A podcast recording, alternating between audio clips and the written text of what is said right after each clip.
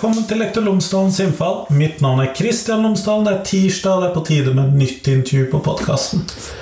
Denne uken så snakker jeg med Andrianne Skjold og Kristin Fagerheim, som jobber på Rotthaugen skole i Bergen. Der jobber de med å undervise nyankomne innvandrere i bl.a. norsk og samfunnsfag. Vi snakker om læreverket deres på høyden som de har eh, laget. Vi snakker om skolerettet norskopplæring, og vi snakker om hvordan undervise denne gruppen. Hva er det de har behov for? Hva, de, hva slags gruppe er dette egentlig? Sånn at det er mange temaer her vi kommer inn på. Gled deg til en god samtale om det. Her får du intervjuet, vær så god.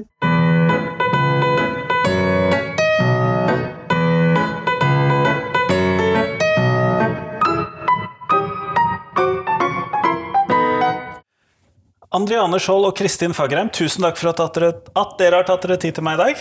Tusen takk, det var veldig kjekt å få komme her, midt i sommerferien. Ja, midt i sommerferien er det jo nå når vi tar opp. Ja. Eh, før vi starter selve intervjuet, kunne dere ha fortalt lytterne mine tre ting eh, om dere selv, sånn at kan, de kan bli litt bedre kjent med dere. Vil du starte, Andreane? Ja, altså da begynner jeg litt med det som jeg tror er begynnelsen på min lærerkarriere. Det var eh, Jeg var 16 år. Jeg hadde nettopp eh, blitt ferdig med første klasse på videregående skole på Katten. Og vi hadde hatt det utrolig gøy. Veldig mange av mine medelever de reiste til USA på sånn utveksling. Og jeg eh, tenkte uff, jeg har ikke lyst til å bli igjen her nå, når alle reiser. Eh, men min mor hadde ikke råd til å sende meg på noen utveksling til eh, USA. Og jeg hadde ikke så veldig interesse i USA heller. Men jeg hadde vært gått mye i Tyrkia, og dette er jo da 30 år siden. Eh, fordi min mor hadde en litt eldre venninne enn seg sjøl, eh, som hadde jobbet i ambassaden, og nå i to perioder, åtte år. Og nå hadde hun pensjonert seg og flyttet inn med eh, vaskehjelpen sin, tjenesten, tjenestefolkene sine. Eh, så de skulle passe på henne, for hun hadde ikke noen familie. Eh, min mor hun sa det at ok, du kan reise og besøke henne, du kan bo hos henne i Tyrkia. Hvor da jeg for 30 år siden arbeiderklasse, lav arbeiderklasse i en forstad i til Ankara, det var virkelig et helt annet uh, Tyrkia enn det du ser på ferie. Så da bodde jeg i et år, uh, og gikk på sånn kurs, sånn språkkurs. Det ligner mye på det våre elever går på. Um, jeg tenker veldig ofte på det uh, når jeg tenker på hva mine elever er igjennom. Men samtidig så var jeg på eventyr. da. Det var ikke foreldrene mine som dro meg med, og jeg var ikke tvunget til å reise. Så det er en stor, stor forskjell. Men det var ingen i Tyrkia på den tiden som faktisk eh, kunne engelsk. Altså jeg har vært i denne der limbo-fasen der jeg måtte bare eh, begynne å bruke språket før jeg kunne det. Heavy tegnspråkperioden? Ja. Eh, og, og, og veldig sånn jeg var jo på eventyr, så det gjorde ikke så mye, men det er ensomt på veldig mange måter når du ikke kan bruke språket. Så eh, kom jeg hjem. Og så, eh, Nå er jeg kommet altså på nummer to. Så kom jeg hjem eh, eh til Norge, og så ringte jeg til AU, AOF og spurte om eh, de hadde tyrkiskkurs for viderekommende. Nei, det hadde de ikke. Men hvis jeg kunne tyrkisk, så trengte de en lærer til disse begynnerkursene. Så jeg fikk min første lærerjobb som 17-åring, tror jeg. 18-åring, kanskje 18-åring. Eh, og, og, jeg syntes det var grådig gøy. Alle elevene mine var selvfølgelig mye eldre enn meg. Eh, men jeg gjorde dette en god stund, syntes det var ganske artig. Og når jeg begynte på universitetet, så fant jeg ut at ok, dette kan jo jeg drive på med ved siden av utdanningen min. Jeg må jo tjene noen penger. Så da tok jeg norsk som andrespråk, før jeg hadde pad, før noen ting. Fordi jeg tenkte jeg kunne begynne å jobbe på Nygård skole, kanskje som vikar, da, hvis jeg hadde norsk som andrespråk. I mellomtiden reiste jeg til Oslo da, og begynte å jobbe på Rosenhoff. Som er tilsvarende gamle Nygård skole ja, i Bergen? Eh, og, og, jobbet der Jeg tror når jeg sluttet der tre år etterpå, så hadde jeg jobbet sånn ca. 30% ved siden av studiene. Eh, Syns det var veldig, veldig gøy. Kjempegøy. Men du vet, unger, ungdommer de, de, tror kanskje at det er noe enda gøyere der ute, så jeg var ikke helt klar for å bli lærer ennå. Men det eh, gjorde jeg da jeg tok paden seinere, og, og har aldri gjort noe annet etter at jeg ble etter at jeg var 18 år, å, å, være lærer i en eller annen form. Eh, så den, det, det, med å være lærer, det veldig knyttet til min identitet. Så nå når du spurte meg om to ting, så, så måtte begge, være, begge svarene måtte være lærerrelaterte. Ja. Og Kristin? Ja, da får jeg ta det som er relatert til eh, språkopplæring, holdt jeg på å si, for min egen del. fordi at når jeg var ti år gammel, så ble det over mitt hode bestemt at jeg skulle sendes til en tante og onkel av min far i Skottland. Så det ble jeg da sendt på egen hånd til Skottland for å lære engelsk, og begynte på skole der.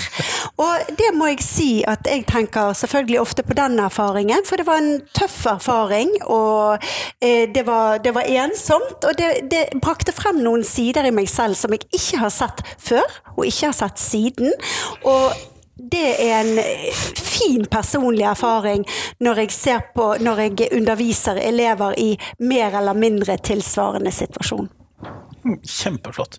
Eh, og før vi starter dette, dere har jo skrevet en eh, lærebok i det som heter Grunnleggende norsk med fagundervisning.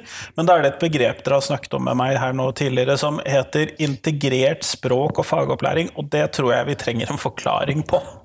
Mm. Ja, det, det, skjønner jeg. fordi at eh, det med integrert språk og fagopplæring, det, det går på direkte hva vi tenker om språk. Og veldig ofte når vi driver og lærer et fremmedspråk, språk på skolen, der lærer vi i Norge kanskje tysk eller fransk eller spansk, så begynner man på begynnelsen med helt sånne enkle fraser, og så hva heter du, og hvor kommer du fra? Og hva er fargene og sånn? Akkurat. Og så, når man begynner å avansere, så begynner man å eh, bestille fra en fiktiv meny, fordi man skal være turist kanskje i dette landet seinere. Men så er det sånn at når man lærer et annet språk, altså man lærer språket i det landet man skal bo, og ha utdannelsen sin videre og bli på en måte fullstendige medborgere, da har man behov for en annen språkopplæring. Og det med du trenger noe annet enn å bestille øl. Det ja. gjør man. Og der eh, eh har man på en måte i seinere tid tenkt eh, en del nye tanker på at språkopplæringen må selvfølgelig skje, men den må ikke være innholdsløs. Den må knyttes faglig til det som resten av Skole-Norge holder på med. Så det må altså speile alderen, og for vårt vedkommende som jobber i ungdomsskolen, så må det da være fag hentet fra ungdomsskolepensum på lik linje med de andre. Det må ikke være noe som ikke de andre driver med, for da hindrer du inkludering, samtidig som du hindrer at de kan eh, nyttiggjøre seg av den språk- og fagopplæringen til å gå over i ordinære klasser etter innføringsklasse. For vår eh, paragraf, sant? det er 2-8 i opplæringsloven, og, og, den sier at elevene skal lære i løpet av et innføringstilbud, eller når de har grunnleggende norsk, så skal de lære tilstrekkelig norsk til at de kan følge vanlig undervisning. Så det vi har da tenkt, det er at dette må jo være brobyggende. Dette, vi har to år i en vi jobber i innføringsklasse. Elever kan ha grunnleggende norsk veldig mye lenger. Men i et innføringstilbud kan elevene bare være i to år. Da går bommen ned. Sant? Og da skal vi, de over i de vanlige klassene? Da skal de over og, være eh, nærmest ordinær, eller så godt som ordinær eh, elev, som, som, har rett på tilpasset opplæring som alle andre. Eh, og, og, ja. og, så vår oppgave er å på en måte klargjøre. Og så er jo det noen sånn eh, tolkningsmuligheter muligheter, hva er klargjøring, og hva er tilstrekkelig norsk til å, å, å kunne følge ordinær undervisning. Sant? Men dette ble i alle fall veldig tydelig for oss når vi, vi søkte overføringer fra Nygård skole, som vi jobbet før, begge to, til Rottøen for å gjennomføre et sånt eh, pilotprosjekt i forbindelse med nedleggingen av grunnskolen eh, ved Nygårdsskolen. Så da fikk vi klasserom rett ved siden av naturfagsalen. Og da eh, jeg eh, jobbet jo på Nygård skole uh, på voksenopplæringen, så jeg hadde ikke noe erfaring uh, med akkurat dette, akkurat ungdomsskolepensum. Men jeg hadde nå stått med kopimaskinen og sett hva som kom ut, og hva som lå igjen og greier. Det var, hadde sett deler av det fra før? Ja, og, og da tenkte jeg at det holder ikke hvis de skal bli klar for å følge naturfag eh, undervisning på ungdomsskolen. Altså, Da holder ikke det å tegne halefinne og bukfinne og ryggfinne på fisken. Eller, eller, eller snakke mye om trekkfugler og vårblomster. Det er jo absolutt naturfag når man går i første og andre, kanskje også tredje klasse. Men, ikke i sjuende, åttende, niende og tiende. Akkurat. Altså, når min datter, når hun gikk i fjerde klasse, lærte om at bjørnen lå i hi, så var det naturfag. Men i dag er det bare eh, bare hverdagsspråk. Så da, da vi da, da så vi på hverandre og var helt enige med at vi trenger noe annet. Vi trenger en integrert språk- og fagopplæring som speiler det elevene skal lære, sånn at vi får, får liksom øvd på eh, de forskjellige sjangrene i de ulike fagene, jobbe litt i dybden. Og da tenkte vi hvordan eh, henter vi frem en sånn type bok, sånn at eh, vi kan eh, begynne et sted. Og så var jo det det at vi fikk jo ikke noe bedre tid på å klargjøre det. Vi har jo akkurat like mye tid, så noe måtte jo ut. sant? Eh, Ja, ja. Og, og, og der var nok Kristin den modige av oss. For det at jeg tenkte ja, men jeg tenkte veldig lineært om språk, eller i hvert fall mer lineært om språk enn jeg gjør i dag. Uh, og, og, og tenkte at liksom, ja, men vi er jo ikke ferdig, de kan jo ikke disse ordene. sant? Altså, Hva er forskjellen mellom strømpebukse og stillongs og sånn? Jeg er usikker på om jeg visste det før jeg var 1920 uansett. Sånn at, Ja, og så er vi tilbake igjen der vi begynte nå nettopp. Sant? Altså, er det så nøye, da? Det lærer de det når de, eh, når, de, når de skal ha, ha bruk for det. Eh, Når det blir blir ikke- relevant, så ja, akkurat, og det vil ikke klargjøre de noe særlig for naturfagen.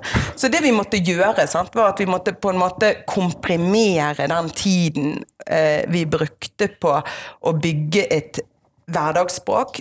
For vi måtte jo ha et undervisningsspråk. Vi har jo, altså Vårt undervisningsspråk er norsk. Vi kan ikke gå veien, vi kan ikke snakke engelsk i klassen. For det er ikke sikkert at alle elevene kan snakke engelsk. Og det vil jo ikke klargjøre dem for den vanlige skolen etterpå heller. Nettopp. Sant? Så det går, alt går på norsk, og da trenger vi jo et grunnlag. Vi trenger å bygge et hverdagsspråk som vi kan bruke til å bygge bro videre til det kunnskapsspråket, eller fagspråket. Og, og så skal det sies sant, at det er, argumentet for å jobbe med hverdagsspråket har gjerne vært at det benytter de i det sosiale. Men vi som har hørt ungdomsspråket, det er, er vi, verken Arne Janne eller meg, behersker det lite grann en gang. Og det, det ville jo være veldig merkelig å komme inn i en klasse der man lærte ungdomsk. Så det, så det, det er vi ingen formidlere av. Vi er formidlere av det helt sånn først, første åtte til tolv ukene, så eh, eh, formidler vi hverdagsspråket på voksen. Og så prøver vi å, å, å få opp eh, Bruke den tiden til å få opp eh, lese eh, til elevene. Gjøre de klar på altså, Trene de masse på lesing. For det er også Eh. nødvendig for den videre skolegangen. Absolutt. Ja, og det er faktisk, eh, selv om det er selvfølgelig er mye lettere for elever med skolebakgrunn, eller òg elever som har, bruker det latinske alfabetet eh, på sitt eget skriftspråk, eh, enn det er for f.eks. arabiske studenter eller elever som ikke har eh, vært så veldig eller automatisert det latinske alfabetet. Men likevel, altså eh, det- Jeg vet ikke om du har prøvd å lese polsk? Jeg har Eh, uten at du forstår det. Altså avkode, det er det vanskelig. Så Jeg alle leste på en buss tidligere i dag, og det sa meg ingenting, i hvert fall. Nei, og ikke vet om du uttalte det riktig heller. Eller tsjekkisk, enda verre. Ja, sant? ja, så det, ja. det er klart at, at vi må øve på å lese. Det må øves for alle i, i starten. Og så må vi eh, øve på å være elev, og, og så må man øve på at eh, man må gjøre jobben selv. Det er sånne ting, og da må det vi som må vise dem hvordan de skal gjøre det. Så den første eh, perioden, da jobber vi mye med lesing og gode arbeidsvaner, og vise dem en, en måte der de på en måte selv kan hjelpe seg til å lære norsk. Og det bruker vi sånn ca. 10-11 uker på. Ja. Ja. Mm. Og så er vi klar for å gå over til å jobbe skolerettet, altså. Det som vi da kaller vi integrerer språket med fagopplæring. Altså Hvor norsken språk. kommer da samtidig med fagopplæringen. Ja, altså Vi kan tenke litt på det sånn som f.eks. i barneskolen. Så lærer de å lese for å lese. Altså Målet i seg sjøl er å avkode å lese eh, frem til ca. fjerde klasse. Og etter det så skal du bruke eh, lesingen for å Å lære. lære. sant? Og eh, tilsvarende hos oss er det liksom de første 10-11 ukene så lærer vi hverdagsnorsk fordi vi skal lære hverdagsnorsk. Vi skal bygge, det det som er målet. Vi må Men kunne snakke sammen. vi må snakke sammen, og vi må forstå hverandre og alt det der. Eh, og så eh, går vi derfra til å bruke språket til læring. Ikke bare lese for å lære, men å snakke for å lære, skrive for å lære. Eh, er de- for å lære. Ja, og da er det den boken som vi har skrevet på høyden, så, så har vi da valgt eh, kompetanse, dekke kompetansemål fra eh, etter tiende trinn. Sånn at eh, vi begynte ferden vår med å gå i hælene på våre eminente, fantastiske kollegaer, og vi fikk lov å være med de inn eh, eh, Vi var jo, kom jo fra en helt annen tradisjon på Nygård, så fikk vi lov å være med de inn når de hadde muntlige eksamener. Mange ganger var vi med inn. Så prøvde vi å dra ut liksom sånn Hva er det de alltid spør om i de ulike fagene? Så vi har på en måte prøvd å lage, danne grunnmuren. Men kompetansen som de sitter igjen med faglig, den speiler på en måte etter tiende trinn. Og, men språklig så er det lagt ned. Eh, og når vi sier at vi jobber med hverdagsspråket, så er det selvfølgelig enormt mye hverdagsspråk inn i en fagtekst. Så den slippes ikke på noen som helst måte etter ti til tolv uker. Men jeg har lyst til å så, eh, ja, si noe eh, For det Kristin sa nettopp at eh, språklig så er det lagt ned. Ja, det er jo det. Men det, jeg tror veldig mange For jeg tror det er i vinden å jobbe eh, på en sånn integrert språk- og fagopplæring-måte. Eh, eh, men eh, det som jeg føler at vi gjør, det er det at språklige er det lagt ned, men ikke så veldig. Fordi for jeg så at yes, Vi tittet jo litt gjennom boken her i stad. Det var jo veldig mye fagbegreper eh, som var de riktige fagbegrepene i de områdene det var brukt. Akkurat.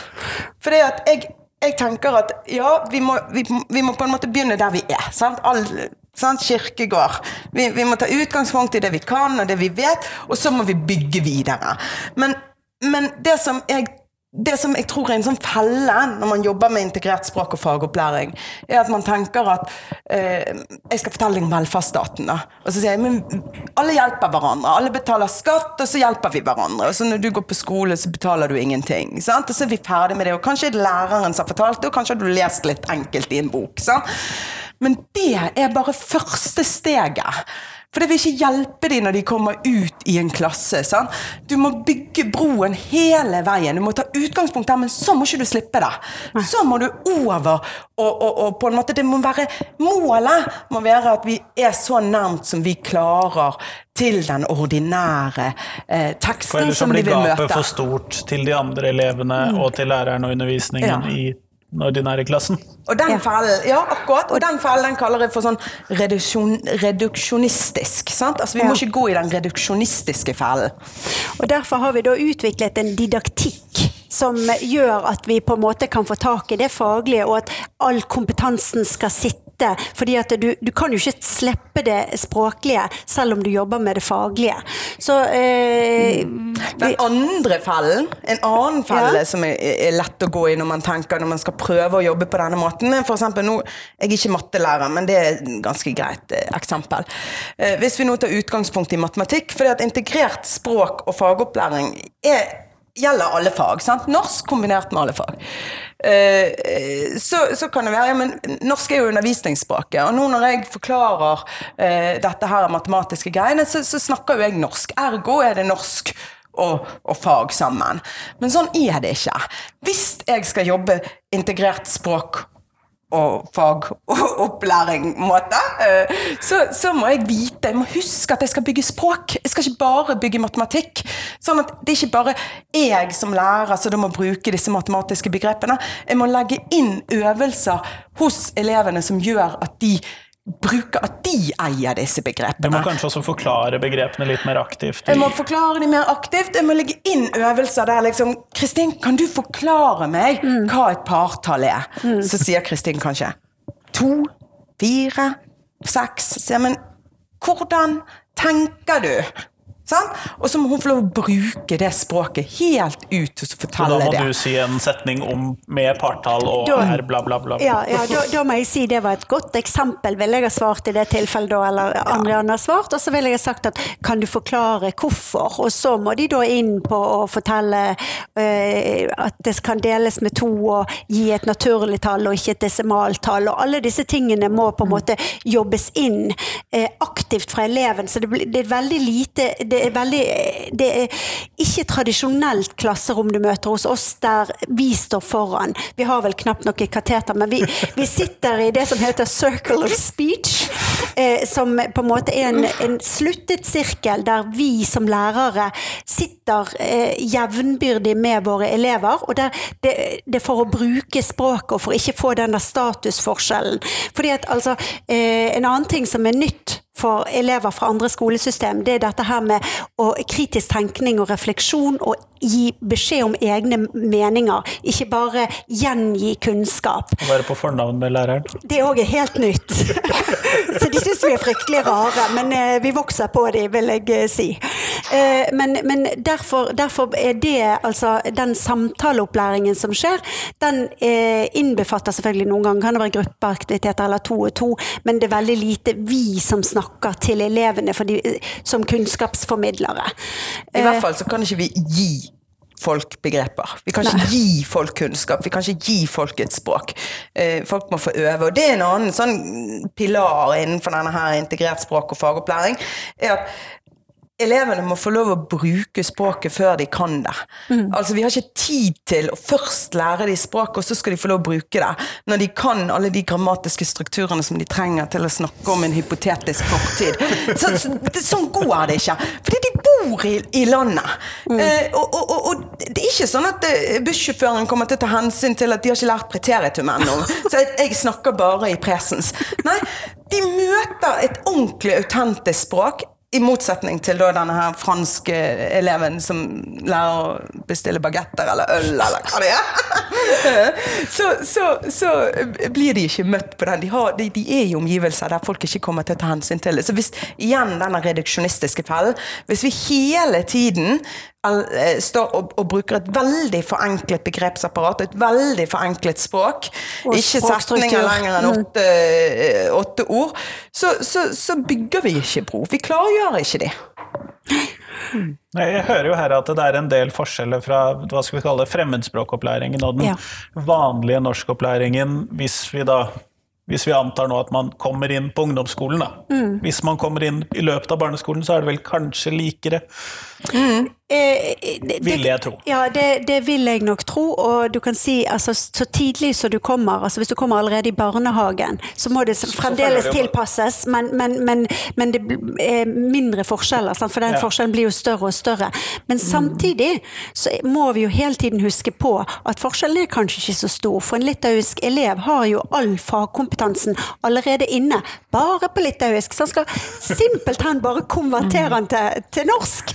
Og det er mye enklere eh, operasjon enn å lære alle disse vanskelige fagbegrepene, altså få innhold i de begrepene på et annet språk. Da, da er du ute på, på Da har du forlatt mosjoniststilen og over i eh, ekspertløypen, rett og slett. Ja. Så eh, eh, Men så, vi forteller litt om hvordan vi gjør det. Jeg tror vi må da. fortelle litt om byggeklossene. Ja. Gjør det, sant? gjør det. Ja. Eh, og da, eh, Vi skrev da denne her på høyden, og det er fordi at eh, det å kunne lese Altså få en tekst som du kan lese, og begynne der, gir elevene noe helt håndfast til å begynne med, samtidig som du øker da lesekompetansen. Så er det, den eh, boken er da også gitt ut digitalt, sånn at du kan i tillegg høre den opplest. Så det begynner eh, i klasserommet vårt, der vi går igjennom det som de skal jobbe med til neste dag. Og da, da sitter vi i denne circle of speech, eller samtalesirkelen, og går igjennom nye begreper. Eller vi gjør det på Quizlet, eller de kan ja, oversette de Jeg, jeg har lyst til å begynne jeg, jeg har lyst til å begynne før det igjen. Jeg, altså. Okay. jeg har lyst til å si at det, hvis vi begynner på et nytt emne vi, La oss si vi, Skal vi Ja. ta religion som emne? Ja, det kan vi godt. Eh, eh, så, så begynner vi egentlig med et bilde, en, en samtale Mm. eh, rundt liksom, hva er det for å hente ut bakgrunnskunnskapen. Ja. Og nå, religion, grunnen til vi valgte det, det, det er ganske grei ting. Altså, det, fordi at det er ofte så er det noe elever i en innføringsklasse har et forhold til. Og De kan noe om det fra de før. kan noe om det, eh, og dette er ikke bare Nå tror jeg de fleste lytterne tenker ja, jeg er muslimer. Sant? De har, de, der er liksom religion veldig fremtredende. Men det er han òg for er- veldig mange kristne land. Det er vel en del etiopisk-ortodokse kristne Ja, land. eh, Men nå i Europa òg, så blir mer og mer sånn kristen-konservativt. sant? De, de polske kan sin uh, Ja, ja. religion, de òg. Ja, de kan det, har så jeg hørt. da Så det, da tar vi utgangspunkt i det, eh, og, så, og da bygger vi. sant? Da har vi et sånt myldrebilde, som vi kaller det for, og så ser vi hva er det vi hva ser vi på dette bildet? Så henter vi ut, da. Eh, og veldig ofte så ser jo du at elevene de kan mye mer enn de klarer å si. sant? De vet at det der er en synagoge de ser, men de vet ikke hvordan de skal si det De kan det på polsk, Ja, de Ja, på ikke på norsk. Ja, Ja. for eksempel. Mm. Og så er det da vi Ja. sitter i denne her. Og så, dette her er religionstemaet vårt. Det varer over mange uker. Sant? Fordi at vi skal ikke Vi, vi prøver ikke å Hvis vi skulle tenkt at ja, vi skal ha et opplegg som varer bare i dag, eh, så ville, det, ville ikke vi kunne gått i dybden. For vi, vi skal jo lære opp både Vi skal lære nye begreper, vi skal lære å snakke, vi skal lære språkstruktur, vi skal lære å skrive, vi skal snakke Vi skal lære utrolig Og mye. lese. Og lese og reflektere. Ja, vi skal helt og ned i- diskutere og Ja. skrive en fagtekst. Ja, og alt dette, så derfor, derfor er begynnelsen da selvfølgelig, som Andrianne fint påpekte, vi henter frem eh, den bakgrunnskunnskapen, som ofte bare da fører til stort sett til frustrasjon, men vi har en felles referanseramme, og vi da bruker selvfølgelig en digital tavle der vi skriver opp ord, og så skriver de i en glosebok. Og så har de øvelser, så har vi forskjellige øvelser. Både digitalt, men òg sånn konkrete som vi har laget Ja. til. Men det har ikke vi tid til å gå gjennom her. Nei, og så, og så går vi da, eh, da er Dette er et system som de blir kjørt inn i fra dag én, som ligger da altså i det at vi, vi skolerer de inn i den måten vi tenker på. Eh, og så går vi da til eh, sirkelen, som vi sier for kort, og eh, leser. Og da er det vi lærere, i hvert fall i starten, som er de gode leserne, sånn at le, eh, vi leser, og så gjentar de etter oss. Og så snakker vi om begrepene, men da, det er klart at hvis du hadde kommet og sett på det, så hadde du eh, sagt at det var ganske lærerstyrt, for det ville det ha vært. Fordi at eh, det, det er bare vi som har kompetansen på norsk.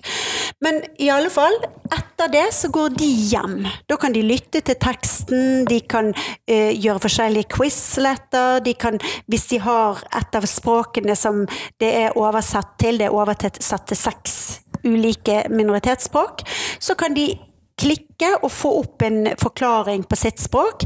Eventuelt så kan de få en forklaring på norsk. Så de har tid til å hjemme gjøre en egeninnsats som klargjør de for neste dag, der vi skal gå videre. Men det er ikke bare sånn altså vi, eh, jeg, har sett på de andre podkastene dine, det er jo litt diskusjoner om lekser og sånn. Hos oss er lekser liksom virkelig det Det er en av søylene, altså. Det må egeninnsats til for å lære et språk.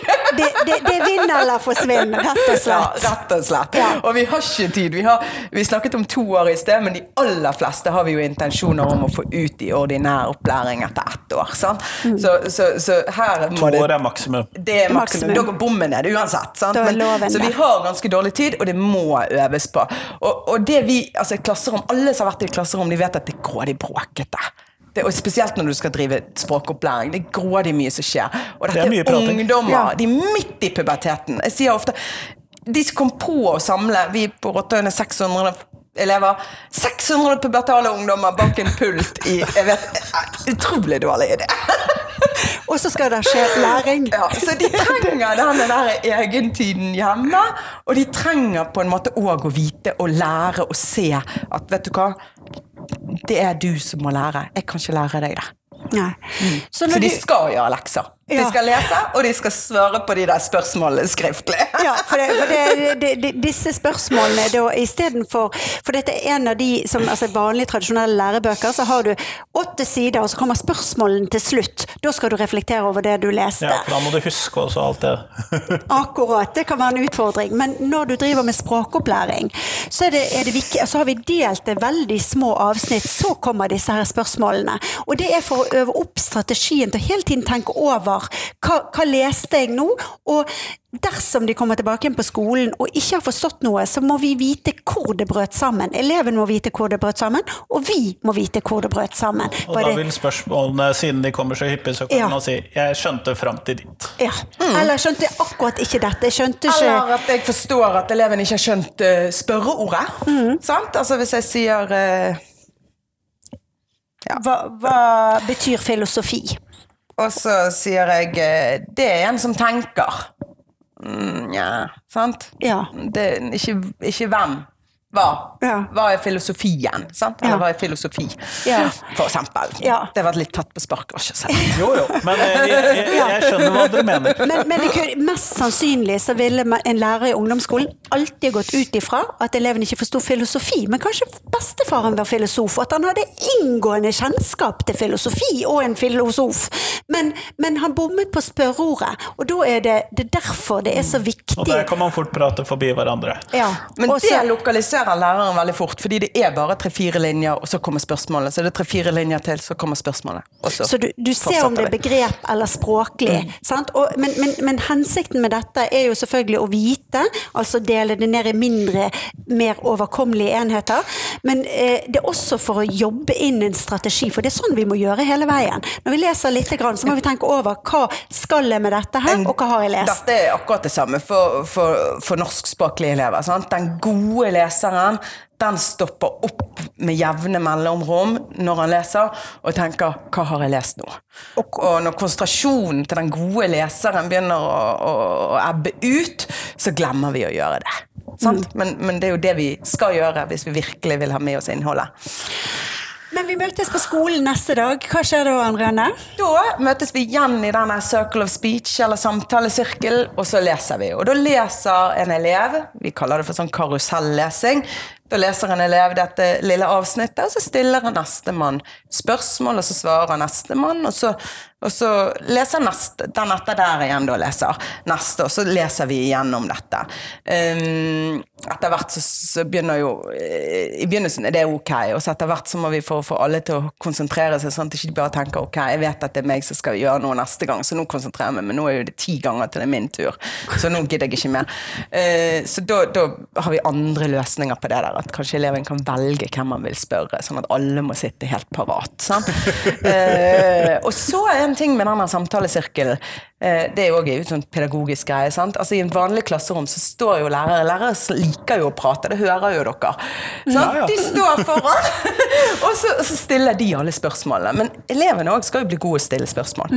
I alle fall så sitter vi da, og så leser vi gjennom denne. Men når vi har lest gjennom den, så har vi jo egentlig bare vært på sånn avkoding og forståelse, og de har forberedt noen spørsmål. Vi vet jo ikke om dette på en måte er litt mer pugg, da. Så da skal det reflekteres, det skal snakkes om.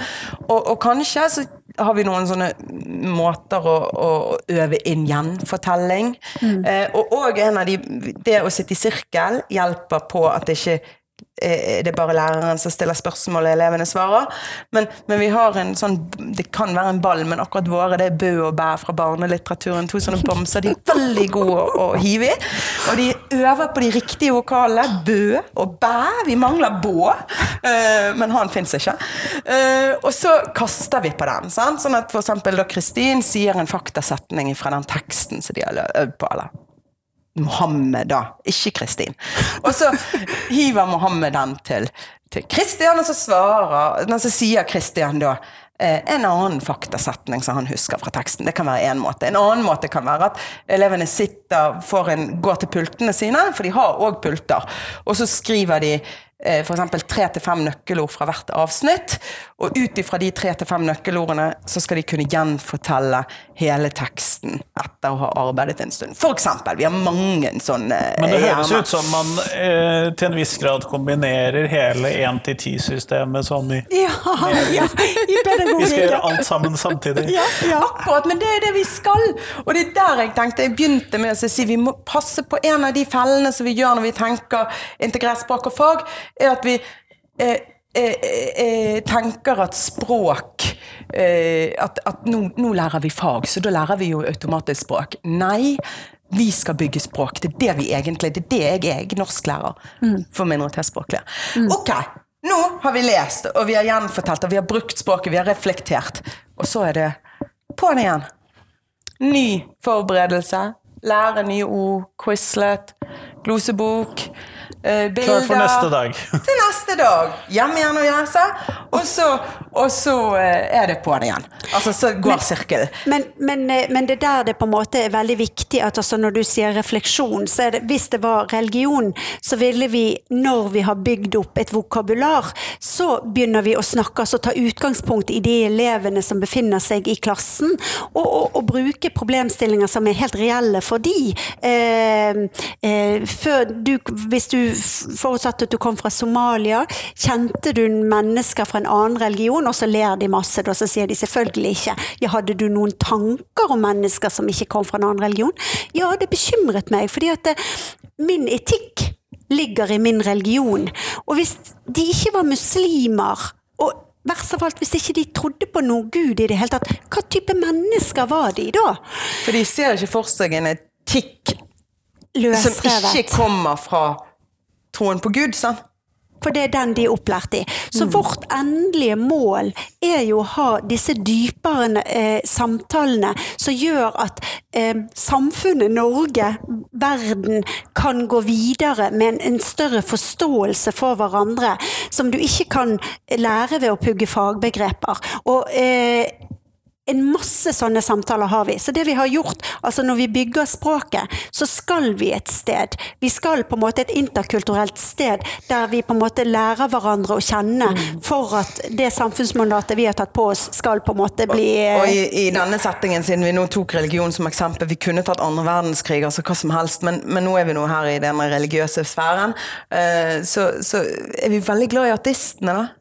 De, de på en måte er jo akkurat det, er jo akkurat det sant? For her ligger det masse sånn, trygg, bygging av trygghet hos Ja. elevene, sant? først og fremst. Men, men jeg husker vi hadde en elev som var hjemme i Spania, og så hadde han kjøpt med seg snop. Da, sånn godteri, spansk godteri, noen kaker.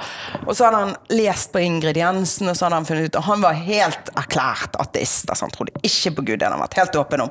Og så hadde han lest på denne her eh, innholdsfortegnelsen, og så hadde han sett at liksom, det var eh, gelantini og, og laget av svin. Så da kunne jo ikke muslimene spise dette, for dette hadde han tatt med til klassen. Så da hadde han passet på å kjøpe noe annet. Sant? Og det der, det er jo, den, det, er jo det gylne øyeblikket. Sant? Det er jo da, og det er læreren sin jobb. Det er jo da du skal på en måte ta dette helt opp, gjøre det klart, synliggjøre det. Han tror ikke på dette engang. Men han likevel viser gidder han å bry seg. akkurat. Ja. Og, og, det er jo, og det er jo så gøy i sånne klasserom. Vi, I år, da når vi holdt på med religion, da var vi i, eh, i det der hindutempelet oppe på Minde. Og alle var med. Det var én helt nyankommen som ikke hadde liksom Han var veldig i tvil, men når alle de andre gikk inn, så ville jo han selvfølgelig òg være med inn. Ja, Man vil jo ikke være utelatt. Nei.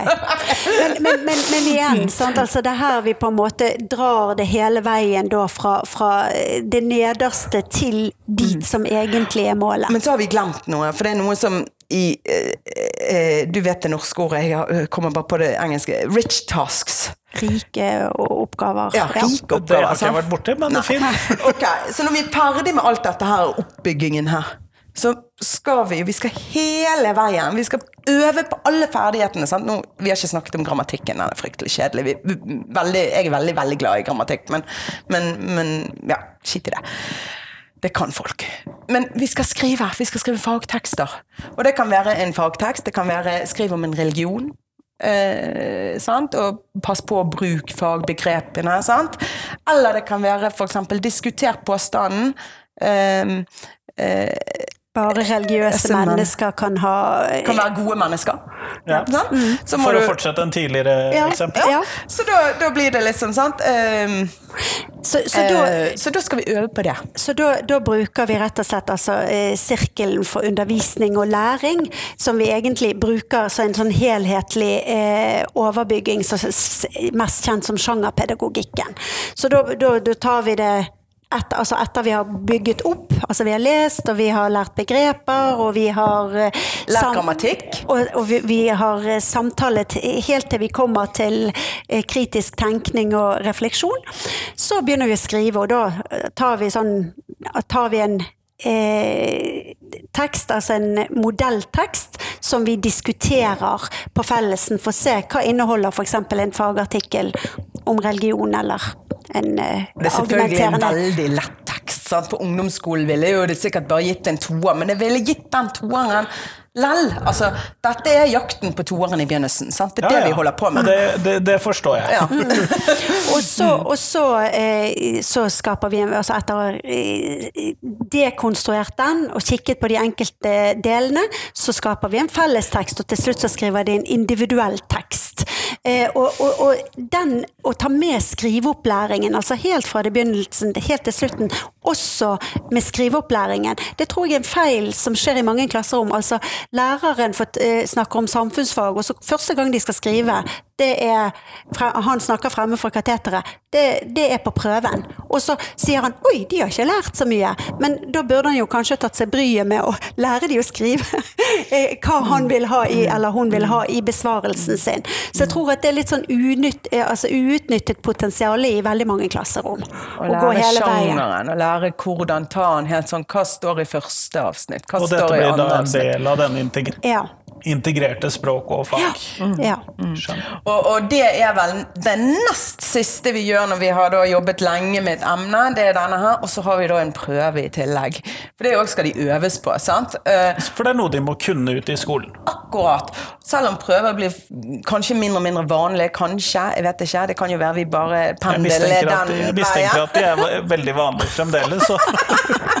ja, men eh, det skal de òg øves på. Og så for vår del så er jo det en siste sjanse til å få de til å nærlese. Til å gå tilbake igjen til det de har lært, eh, og, og, og se eh, hva er det viktigste? Hva er det egentlig jeg har lært her? Og det er jo òg en sånn læringsstrategi som når du tar en master, for eksempel, så må du òg kunne det. Sant? Først leser du en artikkel, og så skal du bruke den, og da må du lese igjen. Sant? Du må gå tilbake igjen til det mange, mange ganger. Ja, og det er vi jo kjent med. Siden det er tre masterstudenter rundt bordet her. Ja, ja, ja. Eh, Men eh, jeg, for det var noe du sa i stad, Kristin, i begynnelsen i forhold til hvordan dere jobbet når dere skulle jobbe fram eh, boken. At dere gikk og fulgte hva de lærerne sa, og hva som ble vektlagt under muntlig eksamen.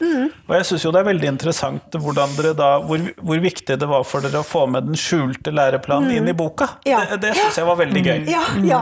Og, så, og, og, det var litt morsomt, fordi at eh, de eh, undersøkelsene som, eh, som vi gjorde da, som da på en måte temautvalget vårt bygger på, de faller rett inn i de tre nye fagovergripende temaene til Flaks eller vilje? Vet du hva, jeg tror at det Jeg tror lærere er kloke, rett og slett. Jeg tror, eh, jeg tror de vet hva det dreier seg om, uansett hva man sier andre steder. Så vet de hva på en måte, hva er essensen i læring, hva er faktisk viktig. Mm. Så, så, så mm. vi skrev boken før eh, det nye læreplanverket. De, de tre var nå riktignok på slutten av vår prosess kom frem, men de ligger på bakgrunn av det vi observerte av våre dyktige kollegaer på Alle tanker kommer jo fra et sted. Ja. Så Ludvigsen han begynte jo ikke på Han fant jo ikke opp kruttet sånn. Nei, han gjorde ikke det. Han, han har nok gått sine runder i noen klasserom, han òg. Ja, ja. Så um... Nei, men jeg syns det var uh, interessant. Ofte så blir jo den bare liggende som et sånn premiss som ligger der i bånn et eller annet sted, men som vi ikke tenker over eller snakker om. Eller. Men jeg tror vi skal snu det, for jeg tror egentlig at eh, lærere har vært kjent med det premisset ganske lenge.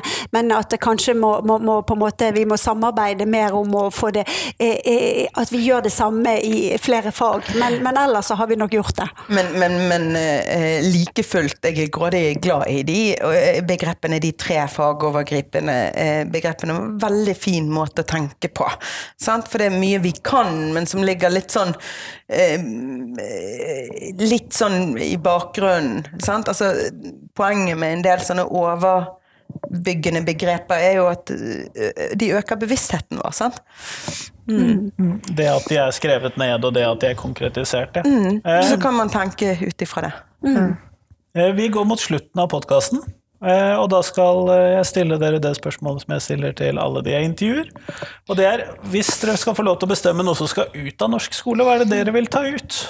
Jeg kan jo begynne, Ja. og så kan jeg si at jeg vil eh, Jeg skal ikke gjøre meg klok og si at jeg vil ta ut noe, men jeg vil ta inn noe. Jeg vil ta inn at eh, eh, våre elever kommer med et fullverdig morsmål, og eh, en anerkjennelse for det å gjerne bygge videre på det. Sånn at eh, jeg tenker at det er jo mange som har kompetanse, så de her i Bergen så tilbyr vi mye morsmålsopplæring eller tospråklig fagundervisning, men det bør gjelde for hele landet, i tillegg til at istedenfor at de begynner å bakse med annet fremmedspråk på fransk eller eh, spansk, så kan de jo eh, få lov å få opplæring, sånn at vi ivaretar våre ressurser som de faktisk allerede har. Vi lever i en global verden, og at vi kaster det på båten og verken gir det anerkjennelse, eh, at de kan det, eller at eh, vi ikke bygger videre på den kompetansen, det syns jeg er litt sprøtt. Så derfor vil jeg ha inn med mange flere språk i skolen. Andriane, hva med deg? Eh, jeg er helt enig eh, med det Kristin sier, eh, om at eh, de, det må være mulighet for en polsk elev å, å ta polsk som annet fremmedspråk, f.eks. Eh, og det, det er allerede mulig, eh, du kan gjøre det som privatist, men, men det, bør, Det er ikke det bør, samme. Nei, det bør bli lettere. Eh, der det i hvert fall er mulig. Jeg er jo litt glad i eh, Det Grønne, eh, partiet Det Grønne, eh, sin, eh, sitt forslag om å erstatte KRLE med fred.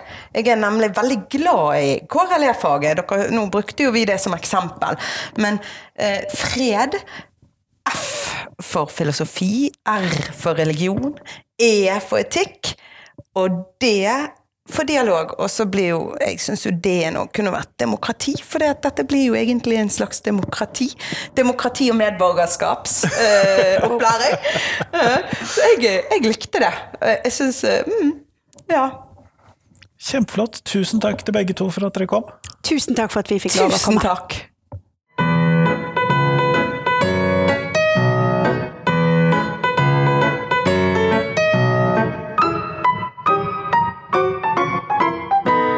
Tusen takk til Andrianne, og tusen takk til Kristin. Og selvfølgelig tusen takk til deg som hørte på. Nå er det en uke igjen til neste podkastepisode, og i mellomtiden så håper jeg at du kan dele podkasten med noen i kollegiet ditt. Jeg vet jo at mange av de som hører på podkasten, er lærere selv, sånn at del den gjerne med noen du jobber med. Så blir jeg veldig glad. Så får også flere muligheten til å høre podkasten. Eller del den med en medstudent, for jeg vet jo at en annen stor gruppe som hører på podkasten, er lærerstudenter. Men i hvert fall, eh, i mellomtiden fram til neste uke, så får du ha en fin uke. Hei, hei!